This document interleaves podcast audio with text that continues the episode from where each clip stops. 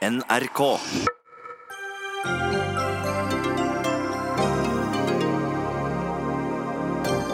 Sylvi Listhaug er tilbake i regjeringa igjen, litt over et år etter at hun trakk seg som justis- og innvandringsminister etter den mye omtalte Facebook-posten. Håper Listhaug har lært, sier KrF. De rød-grønne vil gi mer penger til kultursektoren. Det er fordi de mangler gode ideer, mener kulturminister Trine Skei Grande. Og Frp Rogaland vil ha fritt fram for eh, narkorazziaer på skoler av hensyn til barnas trygghet. Tvert imot, vi blir skremt og mistenkeliggjort, sier Elevorganisasjonen.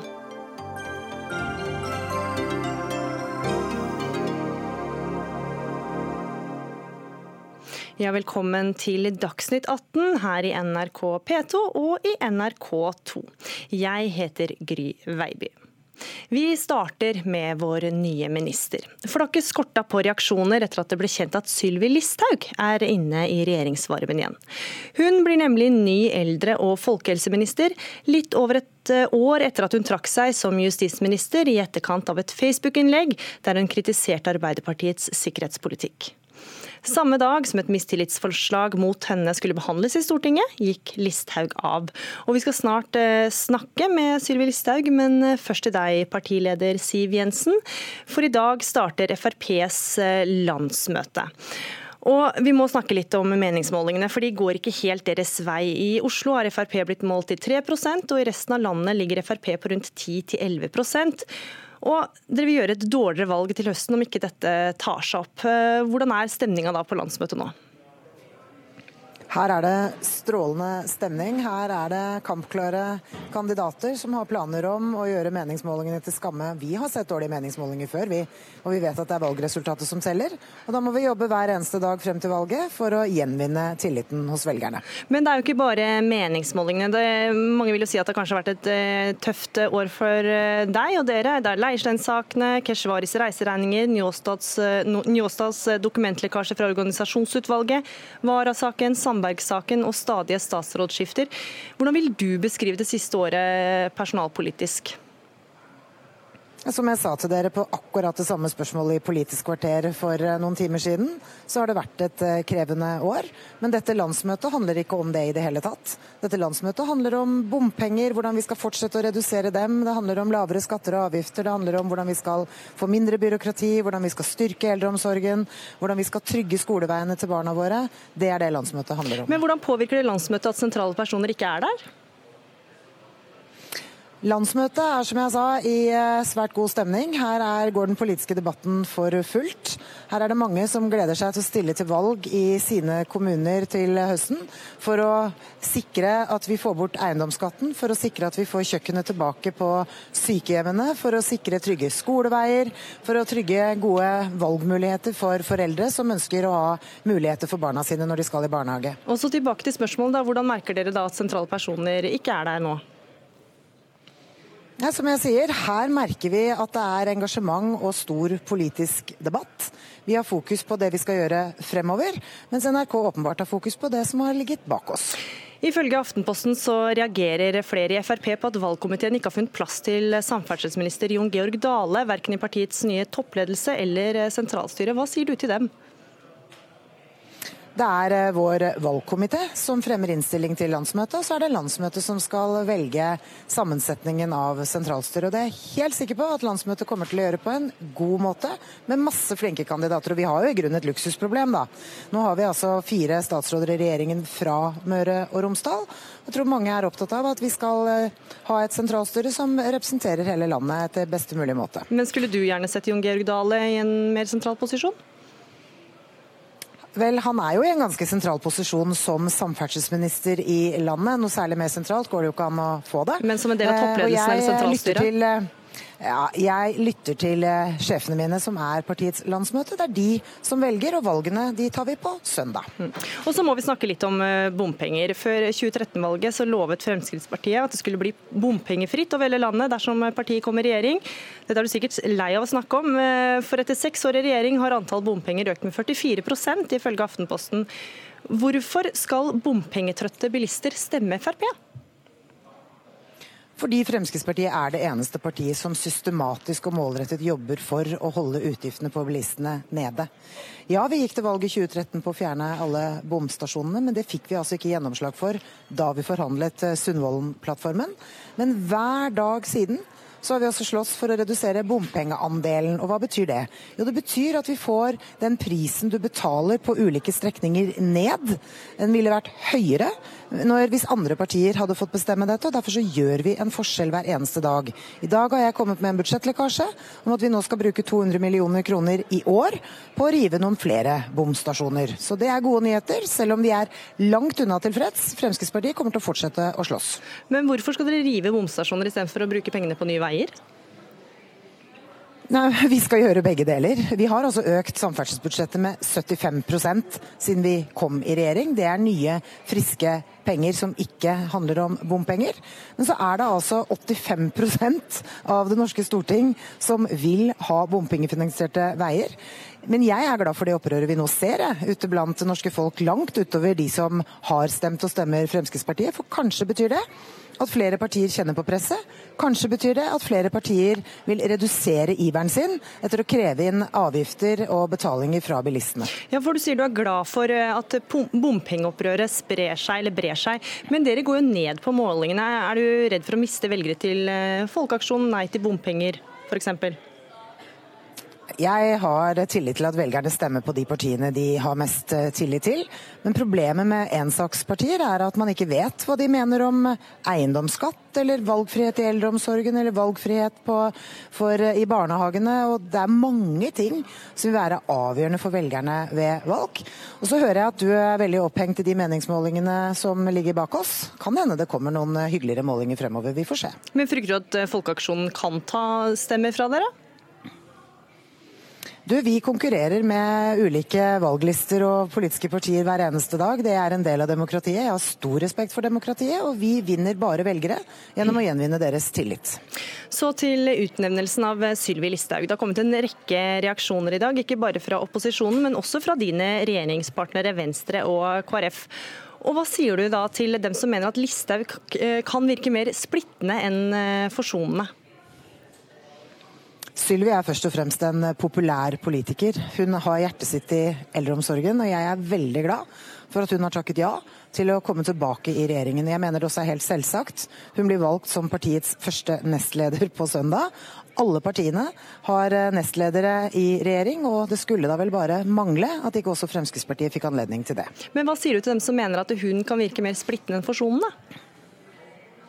Du, Folk har uh, ulike oppfatninger både om Sylvi og meg og mange andre politikere, og det har, har jeg respekt for. Det må de få lov å mene. Men eh, kan Listhaug ha noe å gå på der? Du, Sylvi Listhaug er som jeg sier en eh, svært engasjert politiker som har hjertet sitt i eldreomsorgen. Vi trenger eh, masse fokus på hvordan vi skal trygge eh, og bedre eldreomsorgen over hele landet. Nå har vi i dag lansert eh, at vi nå skal få på plass en eh, tilskuddsordning for å få kjøkkenet tilbake på flere sykehjem. Det handler om ernæring, det handler om eh, god mat, det handler om trivsel for våre eldre. Og det skulle bare mangle at vi ikke klarte å gjøre noe såpass enkelt når man er i siste i sitt siste hjem. Tidligere leder i KrF Knut Arild Hareide mener Sylvi Listhaug ikke burde blitt utnevnt som ny minister i regjering fordi hun ikke er tilliten verdig. Hva sier du til det? Igjen, jeg respekterer at han mener det, men jeg husker også at han sa, da hun eh, gikk av eh, forrige gang, at hun nok sikkert var i stand til å kunne bekle andre posisjoner i regjeringen. Og det kan hun, og nå er hun landets nye eldre- og folkehelseminister. Mm. Da takker jeg av deg, Siv Jensen. Du må gi mikrofonen eh, videre. Og vi skal over til deg, Sylvi Listhaug. Du er altså inne i regjeringsvarmen igjen. Gratulerer med ny jobb. Tusen hjertelig takk. Du har jo vært landbruks- og matminister, innvandrings- og integreringsminister og justis-, beredskaps- og innvandringsminister. Alle poster du har markert deg på. Nå blir du altså eldre- og folkehelseminister. Hvordan eh, kommer vi til å se deg der? Det er jo et område som gjorde at jeg engasjerte meg i politikken. Jeg jobba på aldershjem sjøl i min ungdom. Alltid vært ekstremt opptatt av at eldre skal få hjelp når de trenger det. Eh, så da føler jeg på mange måter at eh, det er det området som jeg alltid er brent mest for. Jeg gleder meg til å jobbe for flere sykehjemsplasser, for at vi skal få tilbake kjøkkenene på sykehjemmene, matlukta tilbake. Det er så utrolig viktig at de eldre får skikkelig mat som både ser godt ut, som smaker godt og som er innbydende. Så det, jeg gleder meg til å engasjere meg, og jeg kommer til å reise masse ut og møte eldre og pleietrengende. Og jeg skal ikke være noen forsvarer av systemet. Tvert imot så skal jeg være forsvarer av alle de som ikke får det de eh, trenger og har krav på av hjelp. Så da må vi endre systemet og sørge for at eh, folk blir skikkelig behandla. Sist gang du styrte eldrepolitikken, da var du eldrebyråd i Oslo. Så ble det fremma mistillitsforslag mot deg pga. din håndtering rundt Oslo kommunes planlagte sykehjem i Spania. Oslo kommune brukte 35 millioner kroner på et prosjekt hvor det ikke ble bygd noe. Hva har du lært av den saken? Jeg syns det var veldig synd, for jeg mener det hadde vært et flott tilbud. Eh, men eh, nå er det landets eldreomsorg jeg skal få lov til å ha ansvaret for. Ansvaret men har du lært noe av den saken? Men jeg skal samarbeide med deg. Altså, det som jeg har lært, er at eh, man skal alltid ha ideer og prøve å iverksette det som er bra. Vi har jo sett Os kommune som har hatt reise til varmere strøk for eh, de eldre, som har vært en kjempesuksess. Men nå snakker vi om din periode som eh, eldrebyråd i Oslo, og at du fikk et uh, mistillitsforslag mot deg. Hva har du lært av den saken, den konkrete saken? Den ligger tilbake for mange år siden, og som jeg har sagt i dag, så lærer man hver eneste dag man lever. Og jeg har levd nå i 41 år og lært mye på dem. Men jeg ser framover, og det handler rett og slett om å jobbe for de eldre, for sykehjemsplasser, kjøkken på sykehjem. Være en ombudsperson for alle de som ikke får oppfylt eh, det de trenger. Men det er jo stå på for statlig finansiert eldreomsorg. Ja. Men samtidig så er det kommunene som har ansvaret for eldreomsorg i dette landet. Så hva, hva blir din rolle som eldreminister? Det er å samarbeide med dem om å gjennomføre Leve hele livet, som er reformen som nå er igangsatt. Og Det handler om at de eldre ikke bare skal overleve, men de skal leve livet sitt med aktivitet, med skikkelig mat. Få lov til å bestemme mer i sin egen hverdag. Men mener du at eh, situasjonen for eldre i Norge i dag er sånn at de overlever og ikke lever? Altså, Det er jo eksempel på at uh, tilbud er for dårlig. Det er eksempel på eldre som er ensom, som ikke får skikkelig mat, som ikke er, får muligheten til å komme ut. Så det er klart at det er mange mangler. Eh, og jeg kommer ikke til å forsvare de manglene. Jeg vil jobbe for å endre dem og endre systemer. Så jeg eh, gleder meg veldig til dette her, å møte eldre.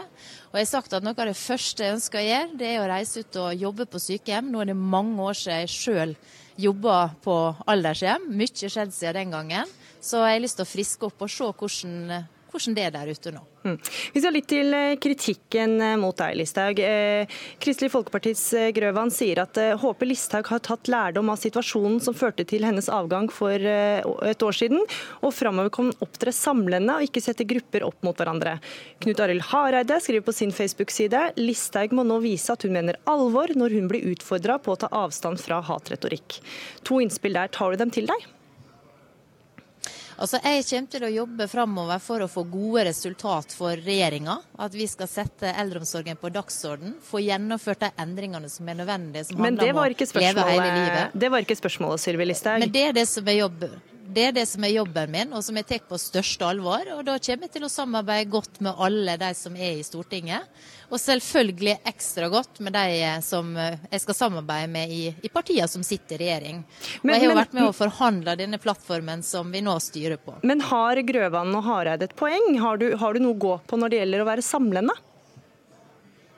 Altså, jeg kommer til å ha min stil sånn som jeg alltid har hatt. Eh, og det mener jeg er riktig å være som politiker, at du faktisk er deg sjøl. Noe annet vil bli avslørt. Men hva vil du si til dem som mener da at du, du virker mer eh, splittende enn samlende? Altså, jeg kommer til å gjøre det jeg kan for å løfte dette området, for å vise fram både det som fungerer i eldreomsorgen, men også de manglene som er for at vi skal sammen løfte dette her og gjøre at hverdagen til eldre blir bedre. Sånn at ikke folk bare skal overleve, men leve hele livet med aktivitet og god mat og pleie og omsorg når det er nødvendig. Men hva vil du si til dem som mener at du er mer splittende enn samlende? Ja, så Nå må det vente og se. Nå skal jeg jobbe og stå på i eldreomsorgen, og det gleder jeg meg virkelig til. Du har tidligere karakterisert KrF som partiet uten ryggrad. Hvordan blir det å sitte i regjering med dem nå? Ja, nå har jo de tatt et veivalg. Jeg har sittet på Granavolden sammen med ledelsen der eh, i januar. Opplever Kjell Ingolf Ropstad som en flott politiker. Jeg registrerer også til min store glede at de skal snakke mer om kristne og norske verdier framover. Det klinger veldig godt i mine ører. Så jeg er sikker på at det samarbeidet skal gå veldig veldig bra. Skal jeg tolke deg sånn at du mener at KrF har fått en ryggrad? Jeg har hatt et godt samarbeid med KrF etter jeg kom inn i regjering, og det tar jeg absolutt sikte på å ha videre også. Du er også innstilt som nestleder, og i går eh, la du fram deler av partiets innvandrings- og integreringsrapport. og Du var i dette studioet på tirsdag i forbindelse med et forslag om dobbeltstraff for gjengkriminelle. Vil du også engasjere deg i like stor grad i saker innen justis- og innvandringsfeltet? Eh, som nestleder i partiet så er det klart at jeg også kommer til å engasjere meg i andre saker. Eldreomsorg kommer selvfølgelig til å være hovedsaker. Men innvandrings- og integreringsutvalget avsluttes ikke nå.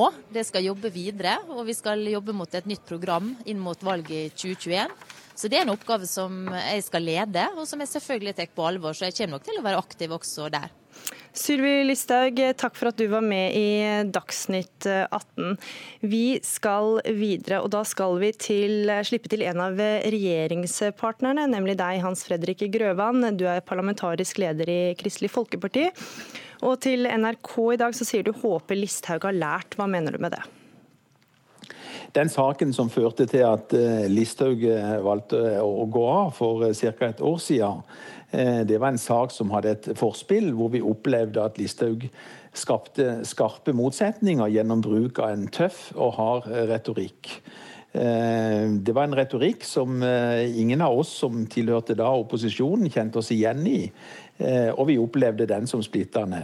Når jeg har uttalt meg som jeg har gjort i dag, så mener jeg at det er veldig viktig nå at når Listhaug nå går inn i en ny og viktig statsrådpost som en del av en regjering eh, bestående av de fire partiene, så må hun vise at hun kan eh, samle, at hun har lært noe av den situasjonen der og kan stå trygt på regjeringens plattform eh, og drive en politikk som alle fire partiene står bak, og ikke eh, eh framstå som en eh, solospiller eh, der en bruker eh, ord og uttrykk som splitter mer enn samler, som vi har opplevd henne i en tidligere situasjon. Hvordan var reaksjonen internt i partiet da det ble kjent at Listhaug er tilbake i regjeringa?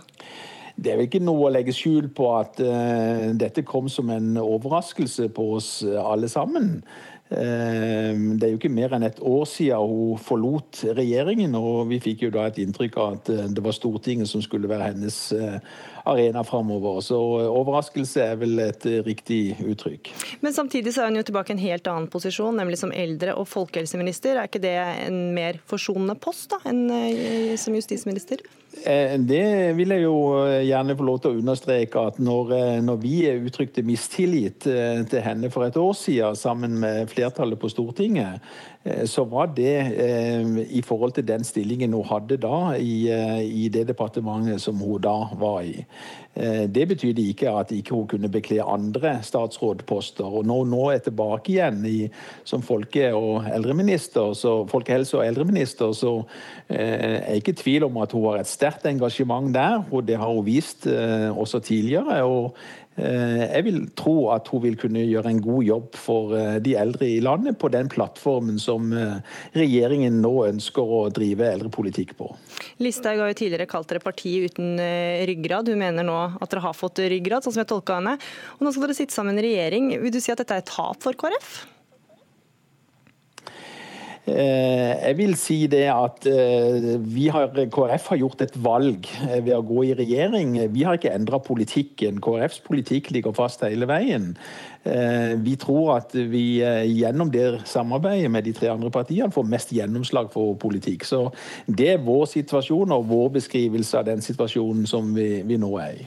Din tidligere partileder Knut Arild Hareide sier til NRK at jeg, jeg vil ikke gitt henne denne tilliten på nytt. Er du enig i det? Altså Nå er det ikke KrF som bestemmer hvem som skal være statsråder. Hvis du kunne bestemt hvem som skulle vært statsråd? hvem som skulle være statsråder fra Frp, så det får jo være opp til statsministeren å, å avgjøre, og vi må forholde oss eh, til det. Eh, som sagt, nå forventer vi at Listhaug har lært av dette, at hun virker samlende og kan stå trygt på den plattformen som de fire partiene nå er enige om. Mm. Hans Fredrik Grøvan, parlamentarisk leder i KrF, takk for at du var med i Dagsnytt 18. Da skal vi slippe til kommentatorene. og Vi starter med deg, kommentator her i NRK, Lars Nehru Sand. Eh, regjeringspartiet Frp har aldri vært så utsatt for et valg som de er i år, skriver du på ytring.no. Hva slags Frp er det som møtes til landsmøtet nå? Det er et Fremskrittsparti som sliter både organisatorisk og oppslutningsmessig i de store byene. Det er et eh, Fremskrittsparti som i flere byer blir møtt med bompengelister som utfordrer de som protestparti eh, i mange viktige velgergrupper i storbyene. Og et Senterparti som fremstår som et eh, forlokkende protestparti i, i Distrikts-Norge. Det er et eh, Fremskrittsparti som sliter med å bemanne et regjeringsapparat eh, og partiledelse og stortingsgruppe fullt ut, og ser at seks år som regjeringsparti eh, krever en, en, kontinuerlig påfyll med nye folk. Kanskje mer enn det Frp klarer å levere, spesielt når det kombineres med et skandaleomsust år i partiets historie. Eh, og det er et eh, parti som, eh, som, må finne litt tilbake en regjeringsform. Nå er det ikke alene, nei, nå er det ikke lenger nummer to og alene som Eller nå er det ikke bare de og Høyre som er i, parti, i regjeringen, men det er en flertallsregjering og en firepartisregjering som gjør at Frp har et annet handlingsrom enn de har hatt før. og Det merker de både i saken om, om IS-krigerne og i saken om bompenger, at Frp sitt handlingsrom bundet en regjering regjeringsplattform eh, som ikke skal forhandles i Stortinget, er annerledes enn det de har vært vant til før. Og så har det vært en del eh, utbyttinger og avganger det siste året i Frp, og det er en del profiler som ikke er på eh, landsmøtet. Påvirker det landsmøtet i noen som helst grad, eh, tror du?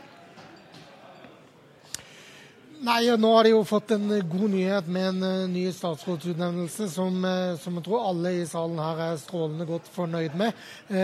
Så, så at man, man, tenker ikke så mye på, på de som som ikke er her, annet enn at uh, som parlamentarisk leder Hans Andreas Limi sa fra talerstolen da han la frem stortingsgruppens beretning, så har dette vært et uh, tøft og krevende år. Tøft og krevende fordi summen av alle disse sakene blir alltid større når de legges opp på hverandre, og det blir, som han sier, litt vanskeligere hver gang det kommer en ny sak. Trine Eilertsen, politisk redaktør i Aftenposten. Hvor etterlengta var Sylvi Listhaug i regjering for Fremskrittspartiet? Det har i hvert fall eh, reddet eh, stemningen på dette landsmøtet. og Det var jo ikke tilfeldig at denne nyheten kom i dag. De har klart å holde den godt under radaren for eh, alle, alle medieorganisasjonene, blant andre. De ønsket å ha det i dag. De ønsket å få oppmerksomheten vekk fra dårlige målinger og vanskelige saker, og det har de langt på vei klart. Så pluss at de er genuint glad for å få Sylvi Listhaug tilbake som statsråd, og som en som kan skape debatt om uh, FrPs politikk. Vi har sett at hun har gjort det hele denne uken i 1. mai-uken. Uh, og mange her har stor tro på at hun skal klare det fremover òg. Mm. Hvor stor mulighet har hun til å markere seg som eldreminister? Mange vil jo mene at dette er en litt anonym eh, ministerpost? Altså Forgjengeren hennes har ikke markert seg veldig som eh, eldreminister. Nå har de en del eh, reformer eh, gående som heller ikke er veldig mye oppmerksomhet rundt. Men for Sylvi Listhaug og Fremskrittspartiet så er denne statsrådsposten i kombinasjon med nestledervervet en veldig sterk plattform for, for henne å, å, kommunisere ut fra.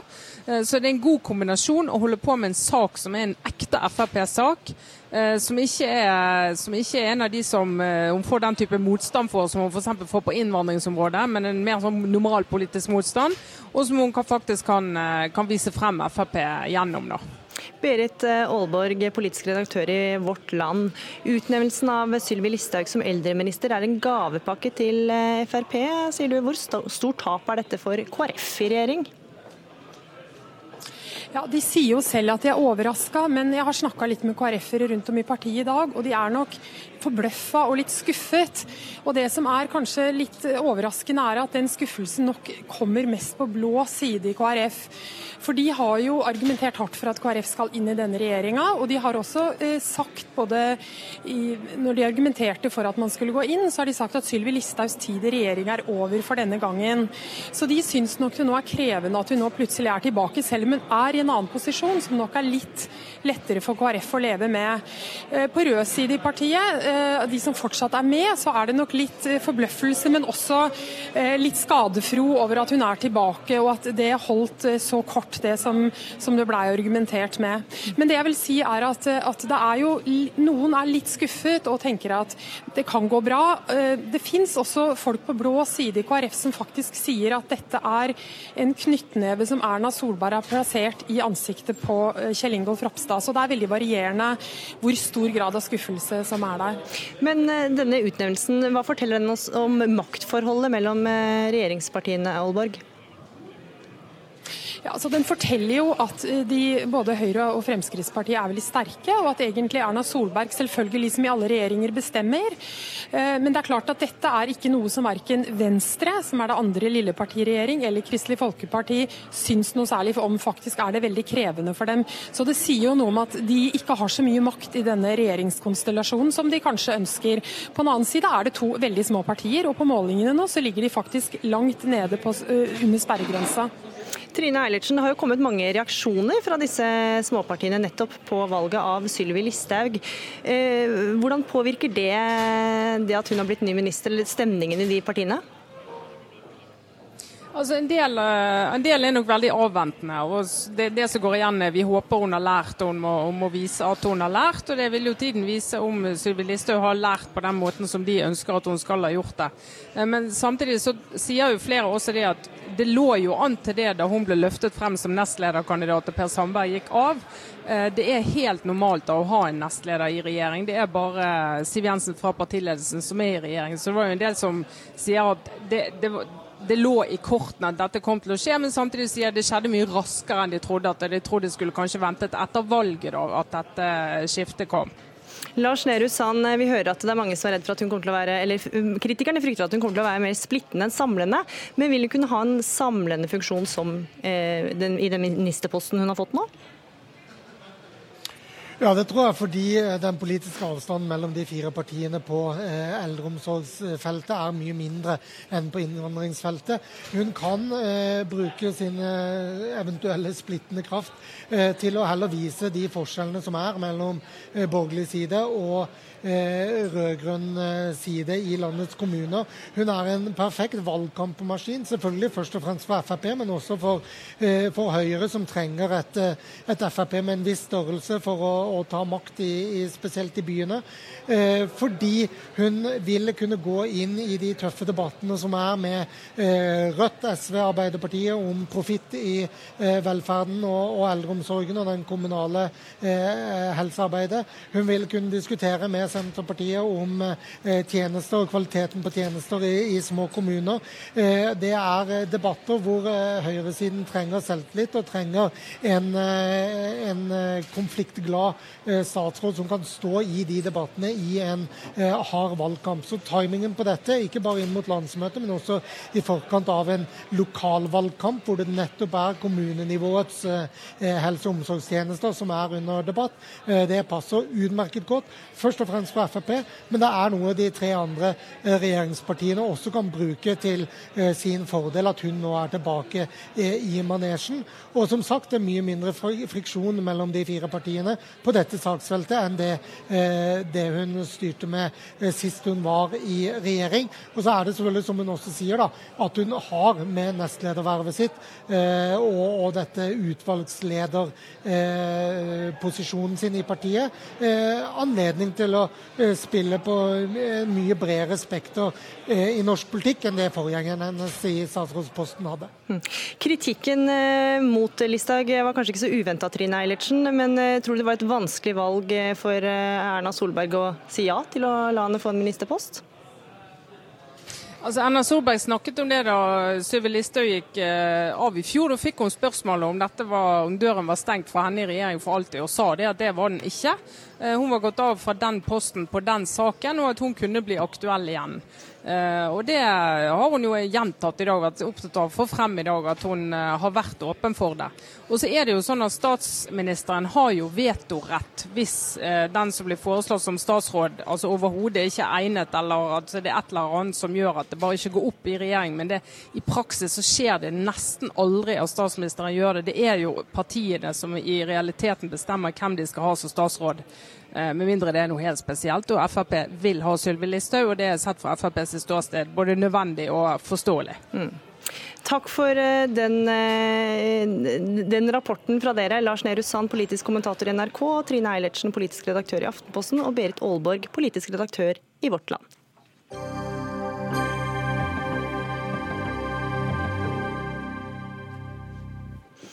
Den eh, rød-grønne opposisjonen på Stortinget lanserer nok et kulturløfte.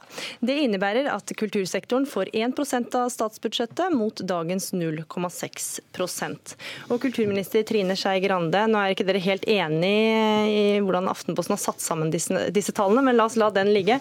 For du sier til avisen at det blir smått når opposisjonen bare snakker om penger. De mangler gode ideer. Hva mener du med det? Ja, Nå har vi økt eh, kulturbudsjettet med ca. 3,6 milliarder siste årene. Og jeg tror nok at vi er over den prosenten, men det skal ikke jeg bruke tid på her i dag. Men det som jeg syns er viktig, er at vi også diskuterer innholdet i kulturpolitikken, ikke bare plusser på penger. Eh, fordi at det vi ser nå, er at vi har hatt et kulturløft, dette er en 15 år gammel idé fra de, de rød-grønne, som enda med at vi stort sett skrudde opp tilskuddet til de store institusjonene. Det ble ikke mer produsert verken mer kunst eller kultur, eller nådd flere med den måten. Vi trenger å bygge opp infrastrukturen i den norske kulturinfrastrukturen i det norske samfunnet. Og vi trenger å bygge mer kunst og kultur nedenfra, ikke ovenfra og ned. Mm. Anette Trettebergstuen, stortingsrepresentant og kulturpolitisk talsperson i Arbeiderpartiet. Eh, noe av det Trine Skei Grande viser til, er et utrolig Enger-utvalget, som viste at selv om bevilgningene ble dobla under de rød-grønne fra 2005 til 2013, så økte ikke bruken av eh, kulturtilbud. Så viser ikke det at penger ikke nødvendigvis betyr mer kultur? Ja, Det er mye man kan hente fra Enger-utvalget. Høyresida leser jo Enger-utvalget som fanden leser Bibelen. For det Enger-utvalget først og fremst konkluderte med, var at Kulturløftet var en gedigen suksess. Som du sa, så dobla vi kulturbudsjettet fra 20, 2005 eh, til 2014. Eh, og det er egentlig bare høyreregjeringa som får det til å bli et problem.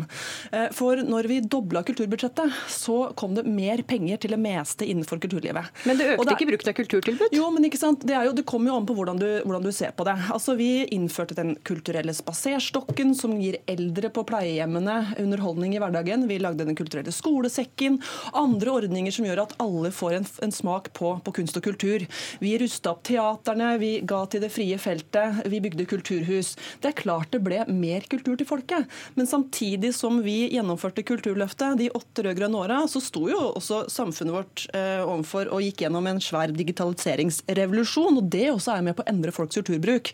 Men det er egentlig bare høyreregjeringa som får det til å bli et problem at vi ønsker mer penger til eh, kulturlivet. For Hvis man lytter til kulturlivet der ute, så er, er de smertelig klar over at fem år med høyreregjering eh, har vært stillstand og betydd kutt for de fleste poster på statsbudsjettet. Men er du enig med Enger-utvalget, da? At kultur, eh, økte penger mer, fikk mer økning av kulturtilbud? Ja, det er jo helt åpenbart, og det sier også Enger-utvalget. Men det de sa, var at den kulturelle grunnmuren, altså det som skjer ute i kommunene, ikke fikk en økning. Og Det er jo fordi at kommunene ikke har et 1 %-mål. Eh, de bevilger pengene sine sjøl og, og, og, har da i liten grad prioritert det. Men vi var jo ikke ferdig i 2013. Vi ville jo videre.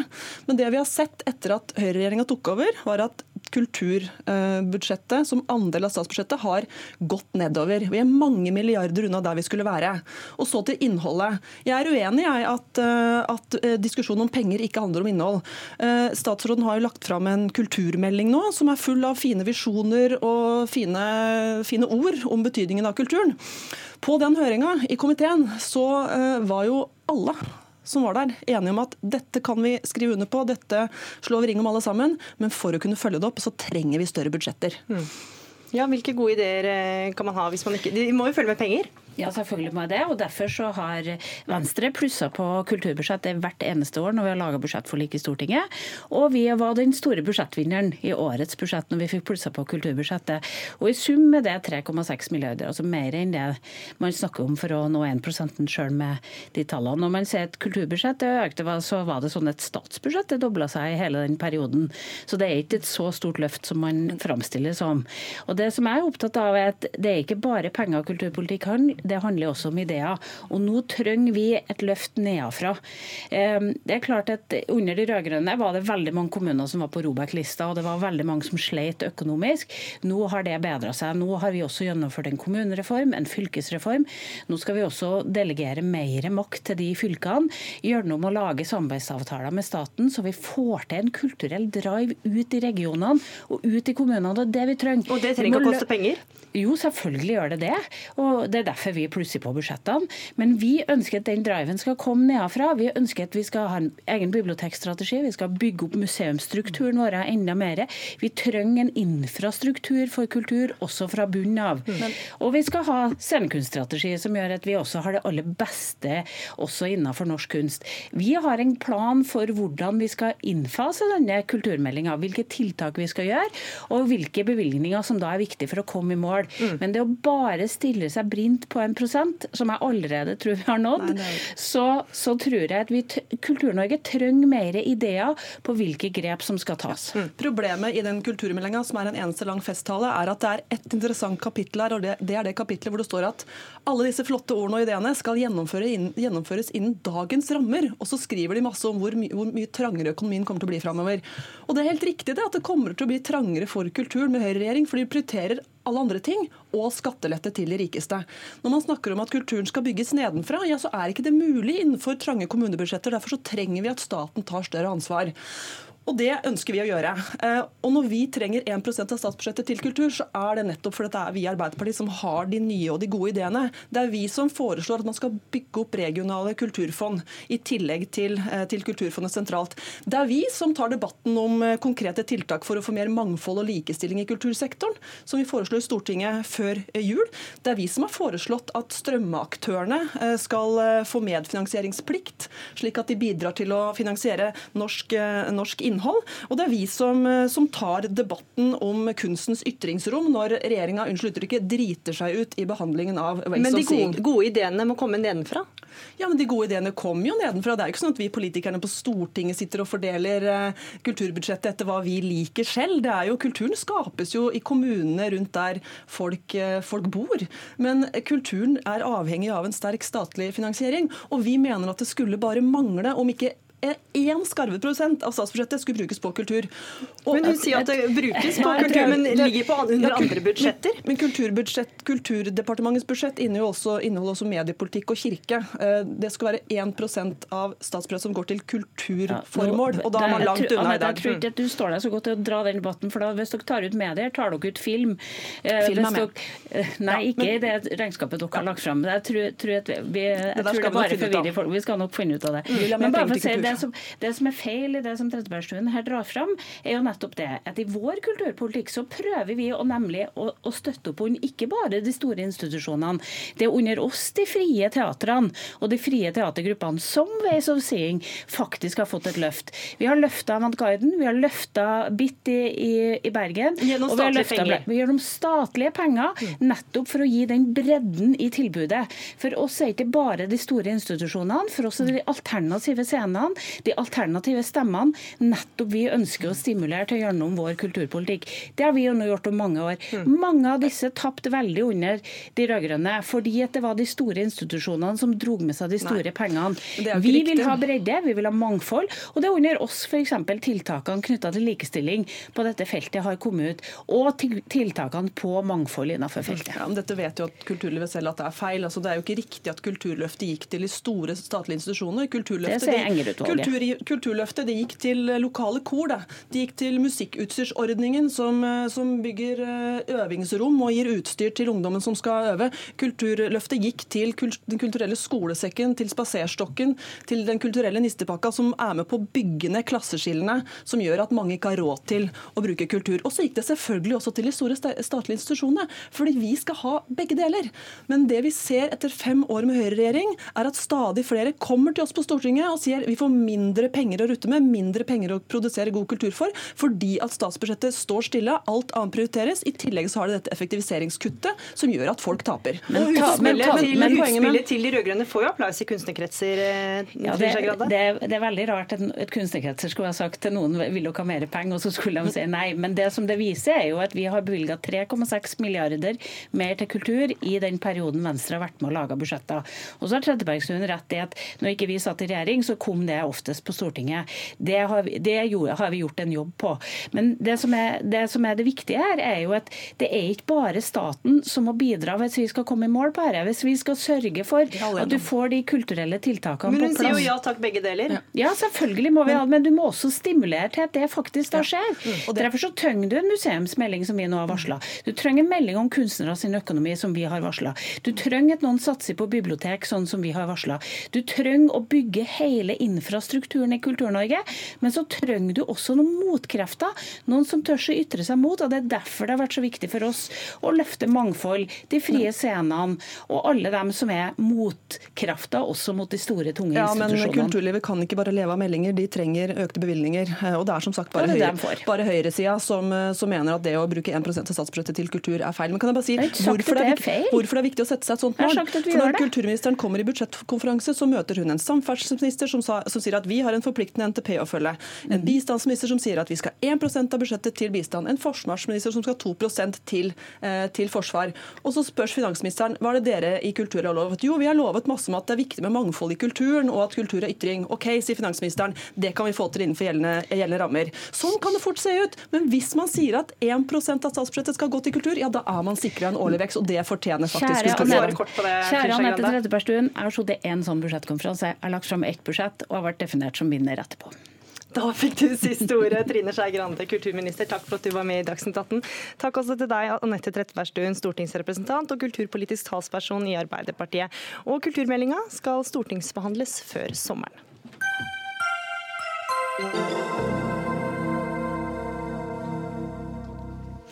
Ingen vil vel at eh, barna skal bruke narkotika. Men eh, ville du likt at eh, tenåringen din ble snust på av en narkotikahund i storefri på skolen? Sånn kan det bli dersom Rogaland Frp får det som de vil. Fylkeslaget vil nemlig gjøre det lovlig å foreta søk etter narkotika med politihund i skoletida for å forebygge skadelig rusmisbruk. Ja, Det skrev Dagsavisen Rogaland Avis denne uka. Anita Egeli, gruppeleder leder i Rogaland Frp. Du er en av forslagsstillerne. Hva har politifolk med narkohunder å gjøre i skolen?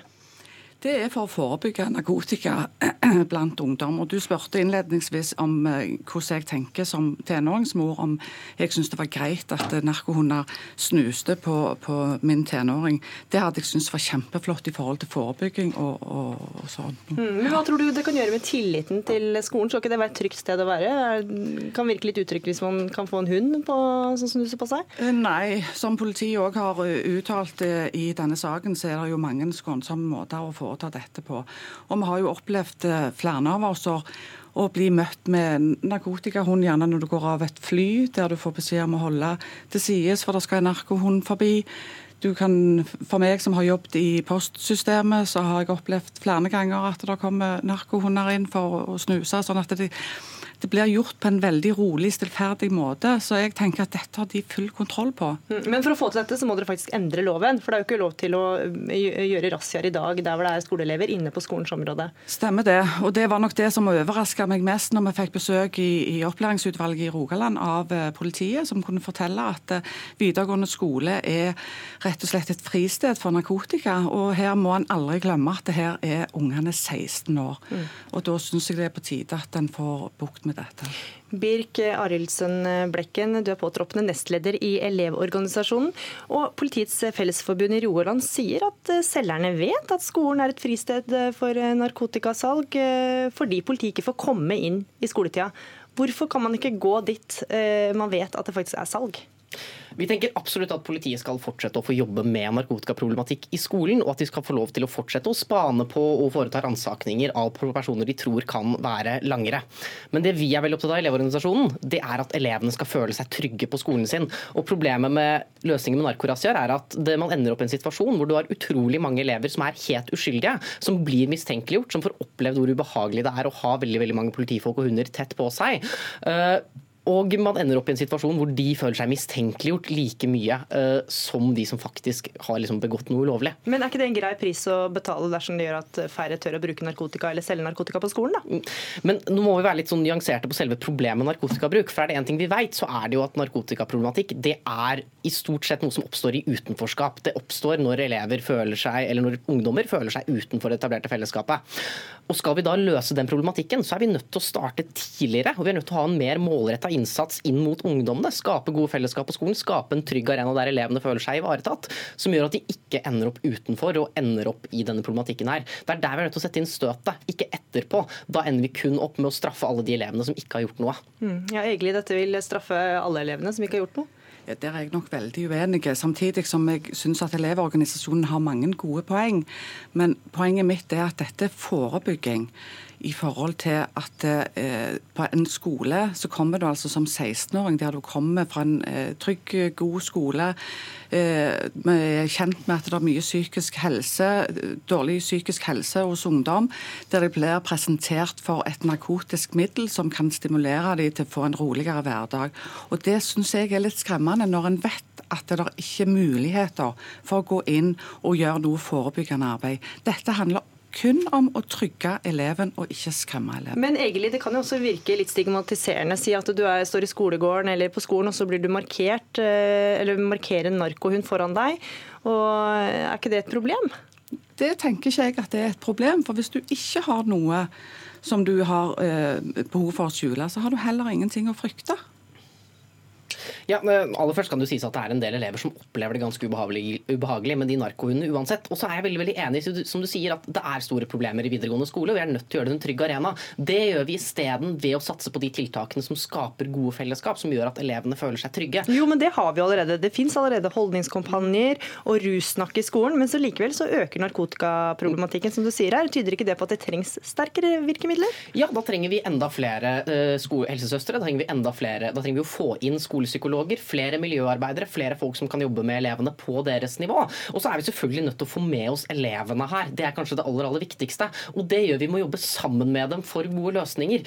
Ta i bruk elevrådene istedenfor at vi kun skal skremme dem med narkotikahunder og politimenn. Mm, ja, egentlig, Det er jo ganske sterkt virkemiddel da, for som du sier 16-åringer at det skal komme politikledde eller uniformskledde mennesker og, eller politi og med narkotikahunder.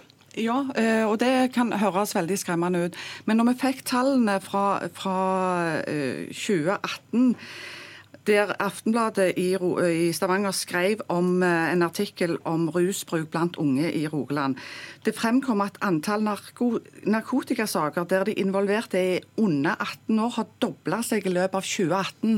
Ja, da har vi feila, og da er det på tide at vi prøver nye tiltak som kan sikre Tross alt er dette små barn, sånn som jeg ser det, som må på en måte få et forebyggende tiltak rundt seg. Du snakker om helsesøster, kjempeviktig med helsesøster miljøarbeider, all, alle disse tingene. Men de er i dag i skolen. Og altså vi ser formidable økning av tall. Og det er ikke bare cannabis, men det er LSD. Altså Det er alvorlige saker vi snakker om her. Derfor syns jeg, og ikke minst er skadestoffvirkningene så alvorlige i forhold til narkotikabruken. Derfor syns jeg det er på tide at vi nå setter inn tiltak for å sikre dette. Ja, og Vi tenker også at man selvfølgelig skal sette inn tiltak. og Vi er absolutt for at politiet skal fortsette å jobbe med narkotikaproblematikk i skolen. Komme og holde foredrag, at de fortsatt skal spane på potensielle dealere osv. Men problemet her er at med narkorasiaene, som er et ganske ekstremt tiltak, så ender man opp med å straffe alle de elevene som blir mistenkeliggjort, som ikke har gjort noe. Og I tillegg så er det jo en realitet her at de elevene som gjerne da dealer eller er involvert i narkotikabruk på en eller annen måte, også gjerne føler seg litt utenfor. Og hvis den eleven da blir stilt opp foran klassen, dratt ut av noen politibetjenter, så tror ikke jeg at den eleven da vil føle det mer naturlig å ta en del i det fellesskapet de har falt utenfor, og kanskje ruser seg vekk fra. Ja, De som allerede er utenfor og kanskje er i en svak posisjon, vil føle seg enda mer utsatt? Eh, ja, mye mulig de gjør det, men per i dag så er de òg veldig utsatt. Eh, det er jo derfor vi har satt inn ganske mange tiltak. I hvert fall Nå kjenner jo jeg best eh, Rogaland videregående. Der vi setter inn tiltak med miljøarbeidere, helsesøstre, går i gangene og, og snakker med ungdommene. Men det er ikke sånn at ungdommene rekker opp hånda og sier jeg fikk tilbudt kjøp av narkotika for at jeg skal få sove i natt. Det er ikke sånn at de på en måte gjør det hos helsesøstre eller eh, hos andre. Derfor syns jeg det er viktig med virkemidler for å stoppe, for tross alt de er 16 år gamle. Og Blekken, denne, For noen år siden også var lignende problemstilling oppe. Det er jo stadig oppe. og Da snakka NRK med en rekke Oslo-rektorer som var tydelige på at den forebyggende effekten ved politibesøk må være tyngre enn at hver enkelt elev opplever det som ubehagelig. Er ikke det et poeng? Nei, For alle er jo mot narkotika her i mm. skolen? Ja, absolutt alle er mot narkotika her. Det vi sier er at det er et veldig ekstremt virkemiddel, og det må vi få understreke. Men ved siden av så er det også et litt annet aspekt her, og det er at narkotikabruk ofte handler om utenforskap. Problemet er litt at man tar liksom ikke de store, tunge narkotikabaronene som sitter bak og tjener masse penger på å deale til 16-åringer i skolen. Dessverre. Man ender kun opp med å ta de ungdommene som har falt litt ut på skråplanet. Mm. Og problemet her er at man kan ende opp med både dytte de lenger unna, og i tillegg så er det en enormt ubehagelig følelse for de elevene som allerede er uskyldige. Og det å skulle mistenkeliggjøre alle de for en mulighet til å ta noen ungdommer som sliter, det føler vi at det er ikke en riktig måte å sette opp den sammenligningen på. Og da føler jeg at vi har gått i ring her, for nå var vi tilbake til, til der vi starta.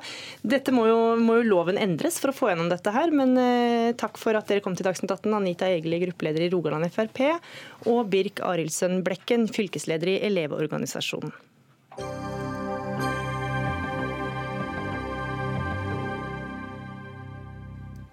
Og ser du dette på TV, så må du snart slå over på nrk.no eller eh, slå på radioen, for nå overtar straks Sporten her i NRK2. Skal vi hindre en katastrofal oppvarming av kloden, er kjernekraft en del av løsninga. Det bør miljøbevegelsen snart forstå. Ja, Det skriver du i en ytring her på NRK. Dara Goldar, du er sivilingeniør i fysikk og medlem av Oslo SV. Mm. Hvorfor er kjernekraft en del av løsninga? Eh, det er to grunner til det. Eh, den første grunnen er at kjernekraft er den tryggeste energikilden vi mennesker noensinne har hatt. Eh, så det er større sjanse for å dø i en arbeidsulykke hvor du monterer solpanel eller reparerer vindmøller. Eh, og jeg tipper at Kjersti kommer til å nevne Tsjernobyl-ulykken. Og Tsjernobyl-ulykken tok 9000 menneskeliv. Det var i 1986. Og det vi vet er at omtrent like mange dør hver eneste dag av uh, forurensning fra fossile energikilder. Så det handler litt om å forstå risiko. Da. Mm. Og Den andre grunnen det er at eh, klimaforskerne sier at hvis vi ikke bruker kjernekraft, så kommer vi ikke til å nå klimamålene. Det er så enkelt. Eh, de kom ut med en rapport i oktober i fjor hvor de fant 90 ulike veier vi kan ta for å begrense oppvarmingen til 1,5 grad. Og det de fant er at ikke én en eneste av de veiene gjør det uten kjernekraft. Så det å være mot kjernekraft er i praksis å være mot det å nå klimamålene. Da. Men hva er din forklaring på at eh, klimabevegelsen ikke kobler disse to tingene sammen? Jeg tror eh, det er to ting. For det første så er vi mennesker veldig dårlige på å forstå risiko. Eh, så vi husker veldig godt én konkret ulykke ikke sant? men luftforurensning. Det tar livet av folk over tid, og det klarer ikke vi helt å uh, forstå. Da. Og det andre er at jeg tror at mange forveksler klimaengasjement med klimakunnskap. Mm. Uh, så de er veldig engasjerte, og derfor så tror de at de kan dette bedre enn klimaforskerne. Men det er ekstremt farlig, mener jeg, å gjøre det. Fordi det signalet du sender til klimafornektere, klimaskeptikere og folk som sitter på gjerdet, er at eh, ok, vi vil at dere skal høre på klimaforskerne, men vi gidder ikke gjøre det selv. Du ville egentlig møte ditt eget parti SV i denne saken. De hadde mm. ikke anledning til å stille. Nei. Men det hadde du, Kjersti Album. Du er prosjektleder i Naturvernforbundet og har for så vidt allerede introdusert eh, for noen, eh, Kjersti. Hvorfor er ikke kjernekraft en god idé, syns du? Nei, det er jo sånn at Vi kan ikke løse klima, klimakrisen ved å skape andre store problemer for kommende generasjoner. Det er jo det vi gjør med atomkraften. Eh, atomkraft eh, gir enorme mengder farlig avfall som må, som må sikres i 100 000 år. Det er eh, i dag ingen løsning for det farligste atomavfallet. Altså 100 000 år, det er så lenge vi klarer ikke engang å, å forestille oss det. ikke sant? Så da er det sånn Ja, jeg er jo kjempeenig i at uh, klimakrisen er, er, alvorlig. Den er kjempeurettferdig. Jeg, jeg tror ikke det er, det er ikke, Vi er ikke uenige om det. ikke sant? Mm. Naturvernforbundet står i fremste rekke for for klimatiltak. Eh, men det, det, blir litt som det samme. ikke sant? Det blir litt å etterlate eh, Skape masse problemer for de generasjonene som kommer etter oss, når vi ikke har noen løsning Eh, for det farlige avfallet. Mm. Ja, og Det er jo en ting som eh, de som er kritiske til kjernekraft gjerne trekker fram. Det er faren for ulykker, spredning av atomvåpen og problemer med radioaktivt avfall som så tungtveiende at det derfor ikke lønner seg. Men hvorfor ta den risikoen? Jeg tenker jo at det handler om perspektiv. da. Hvis du tar radioaktivt avfall. Um, måten vi løser det på, er at vi lagrer det trygt i jorda, hvor det ikke kommer til å skade noen. Eh, og så kommer det til å være radioaktivt lenge, men det vi kan gjøre om si 30-40 år, når vi har løst klimakrisa, som er et mye større problem, det er å grave det opp igjen og forbrenne det i nye reaktorer. Så Hvis du sammenligner det problemet med eh, problemet med klimakrisa, som er mer krig, mer sult, 200 eh, millioner nye klimaflyktninger. I dag har vi allerede 60 millioner, og vi klarer ikke å løse det på noen bra måte så tenker jeg at problemet med radioaktivt avfall er kjempelite. Og mhm. det er ikke så mye avfall som du gir inntrykk av her. fordi F.eks. USA de har hatt kjernekraft i 60 år. De har en befolkning på 330 millioner, så det er over 60 ganger flere enn det vi har i Norge.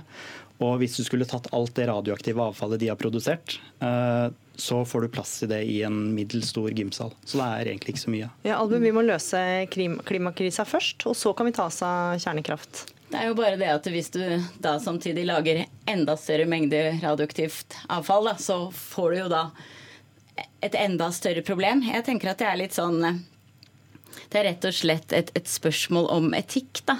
Om du, om du vil prøve å løse et problem ved å, ved å skape et, et, tilleggsproblem. Og, og jeg, jeg, setter ikke opp mot hverandre, egentlig. Jeg tenker Snarere det er det sånn at Eh, Klimakrisen vil jo skape samfunn som er mer ustabile enn våre, sannsynligvis. Det kommer til å bli enda vanskeligere eh, enn det er i dag å lagre det atomavfallet trygt. Nei, det er ikke store mengder, men altså, hadde, vi kan ikke sette det i en gymsal. Det må isoleres fra, fra mennesker og natur. Vi snakker 100 000 år, ikke sant?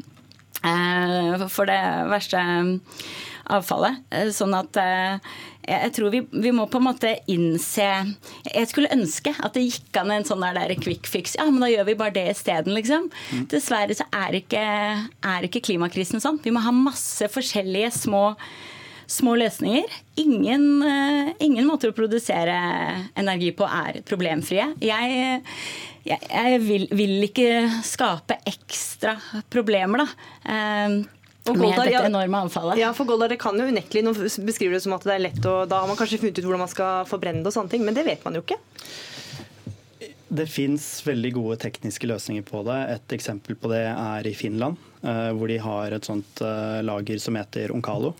Eh, det finnes svar på Statens strålevern, da, som er det i Finland. Det de har gjort, er at de har regnet ut masse ulike scenarioer på ok, hva hvis dette her går kjempekaldt. Og det de har funnet ut er at worst case-scenario der er at den strålingen du får hvis du bor rett over der sånn og oppholder deg der 24-7, så vil du få den samme strålingen som du får ved å spise to bananer i året. Så det er ja, det er et kjempelite problem da, i, i, forhold til klimakrisa. Men du kan jo ikke si at det ikke er farlig.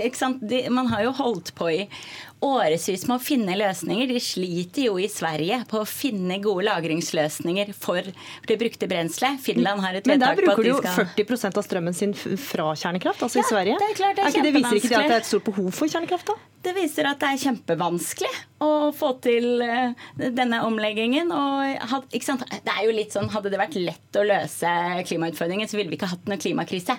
Det er, det er klart det er vanskelig.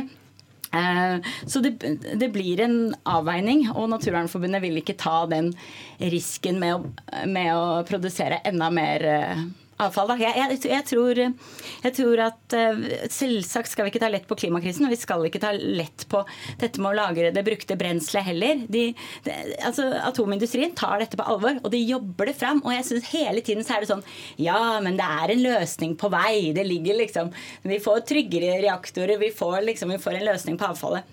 Det ligger liksom fram i tid.